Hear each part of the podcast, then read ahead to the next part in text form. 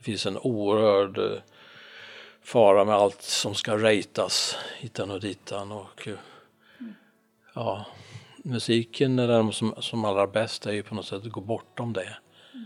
det. Där man går in i en upplevelse och man känner sig upplyft och upprymd. Och...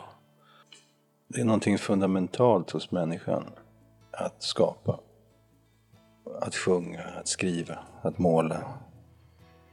Att vända sig mot något utanför en själv. Och så glömmer vi bort att det är själva livets villkor. Att stå där vid branten av det som vi inte kan veta eller förstå. Eller, och, och stå där, stå ut med den, det, det självande livet. Så.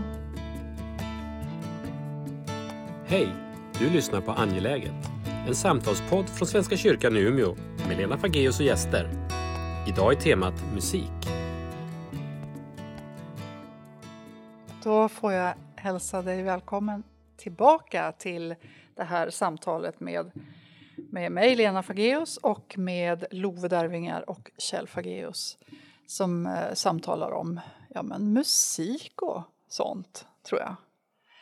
Men vi börjar som vi brukar. Vi tänder eh, ljuset som bilden för närvaro och lyssnande. Så välkomna hit, eller välkomna tillbaka. Det här tänkte vi skulle handla om ja, men själva, ja, men vad, är det så särskilt viktigt då, musiken? Behövs det? Ja. Börjar du Love? Ja, jag började försynt där, hörde ni det? Ja, vi har- En liksom hörde insvängning. Försiktigt. Ja, det här är ju egentligen en väldigt stor fråga. Den kan ju låta enkel för vi skulle ju naturligtvis bara kunna säga rakt av ja. Och sen kan man lämna den. Mm. Gå till nästa. ja. Men vad är då, hur, hur värderar man saker och ting? Det, vissa saker går ju att mäta och väga, andra inte. Och musiken och konsten litteraturen och, och även religionen är ju sådana saker som går utanför vägandet och mätandet. Så det blir väldigt svårt. Så på ett sätt är det ju upp till oss att värdesätta det, eller inte. Men om man ser på historien så kan man ju enas om att eh, Förutom de som vi som sitter i det här rummet genast skulle säga ja på den frågan så, så finns det också en, ett ja som egentligen är en negation, det vill säga om, om man ser på i princip samtliga diktaturer som har uppstått så är det ju det första man vill lägga ner eller ta död på, det är ju då eh, religionsutövning som inte främjar makten, all form av litteratur som inte främjar makten, all form av musik eh, och så vidare. Allt ska alltså formas enligt en viss struktur. Så människans förmåga till skapande vill man få bort. Och bara den handlingen i sig vittnar ju om att det är oerhört viktigt. Tack. Det finns ju så mycket olika typer av musik. Eh, Jag menar det är dansmusik och det är visor och det är marschmusik. Och det är den klassiska Hårdrock. musiken och det är hårdrock. alltså det, det är så, så tro- otroligt liksom svårt att svara på den där frågan ungefär som Love antyder här. Men jag tänker på musik som ett, ett universellt språk som är så fullständigt självklart en del av mänskligt liv. Precis som att vi pratar med varandra och utvecklar ett språk i ett land eller i, ja. Och eh, så att och jag- tror att eh, musiken då i på så många olika lägen speglar hur vi känner oss glada, ledsna.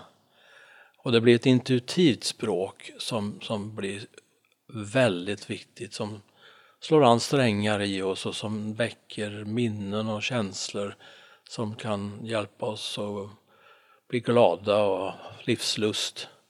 Men också kanske identifiera oss med eh, sorgsenhet om någon nära anhörig gått bort. Eh, Så att det, det är en palett av olika, säga, jag ska inte säga funktioner av musik, men musiken verkar genom olika stadier i livet och med lätthet och med tyngd och allvar. Så det, det är oerhört viktigt. Musiken också, musiken som en del av hela kulturlivet.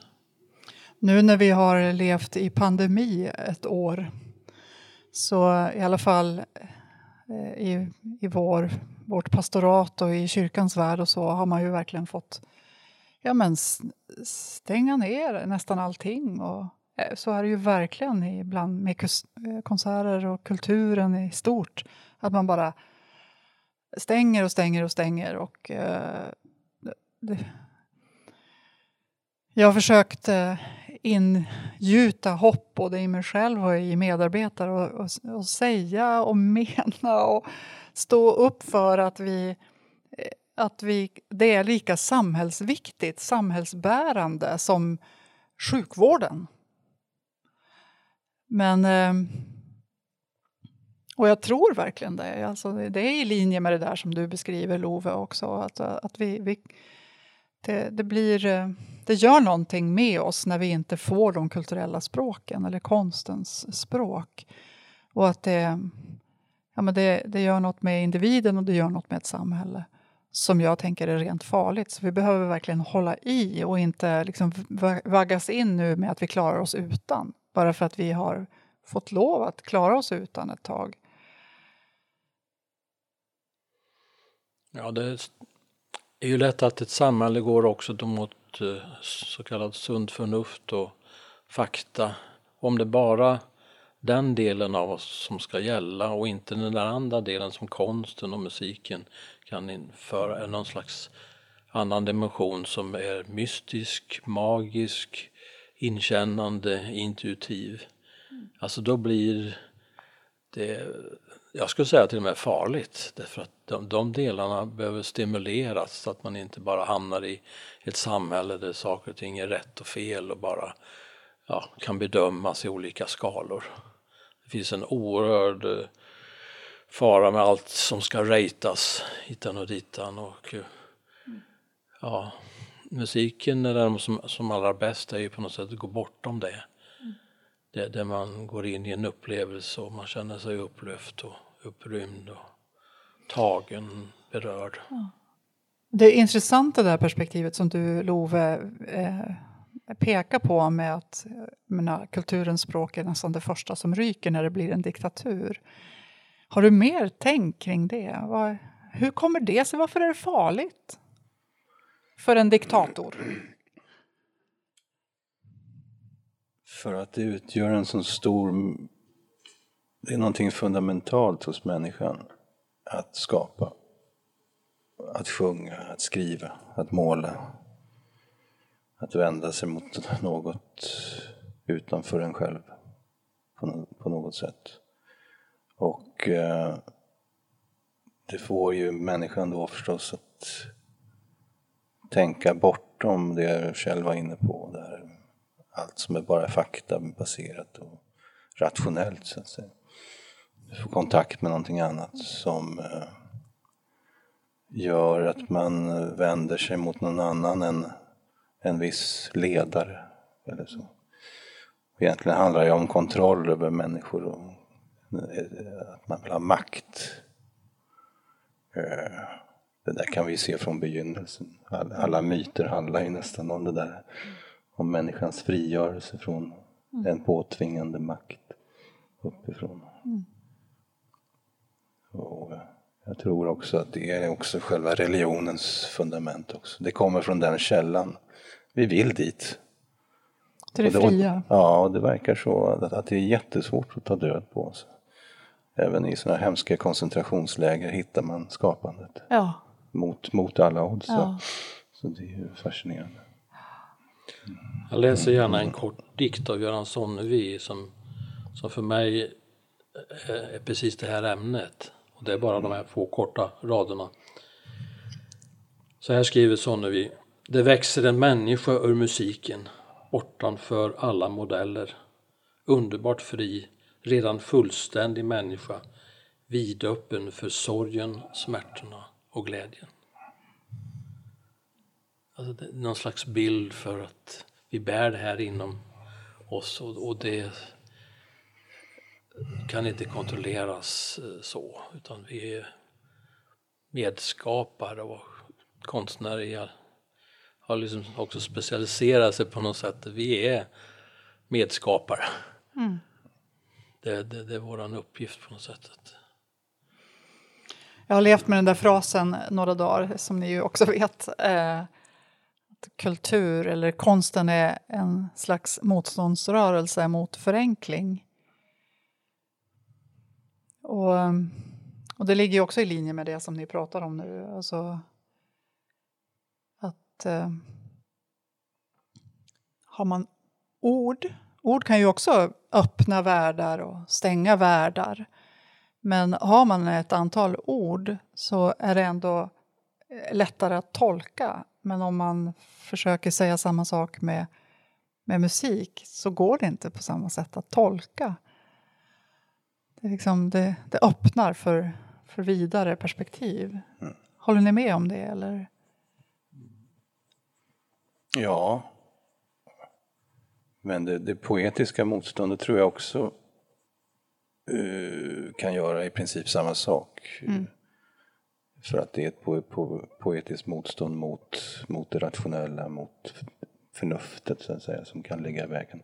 Mm. Vi behöver det rationella förnuftet också som människor naturligtvis, men nu pratar vi om de här andra dörrarna. Mm. Är de viktiga? Ja, det är de. Mm. Ja.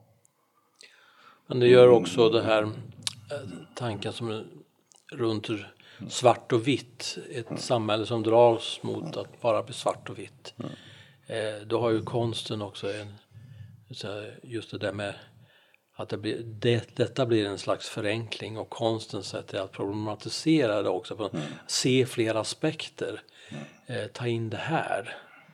Därför ett samhälle som går mot bara svart och vitt blir blind för en massa oerhört väsentliga saker. Mm. Nej, det verkar som att vi, många av oss, eller i ett samhälle, jag, jag även vi själva tror jag, vi, vi vill gärna dela upp saker och ting. Att det antingen är någonting rationellt eller irrationellt, antingen förnuft eller känsla. Medan allt egentligen har nervtrådar som går in och ut ur varandra mm. på något sätt. Och det som är farligt för oss är väl kanske den där uppdelningen. Att vi har sånt behov av det. Varför är vi så otrygga? Mm. Vad säger du Lena? Varför är vi så otrygga? ja, nej men det är klart att eh, alltså generellt, man, man dras ju till det förenklade. Så tror, jag det, så tror jag det är i alla sammanhang, i alla världar. Att det, att det är liksom attraktivt när man kan få grepp om och kontroll på. Man blir tryggare och säkrare. Och att det är någon slags sårbarhet, står vi i någon slags eh, brant av okunskap som, som eh, kan göra oss eh, darrig, darriga.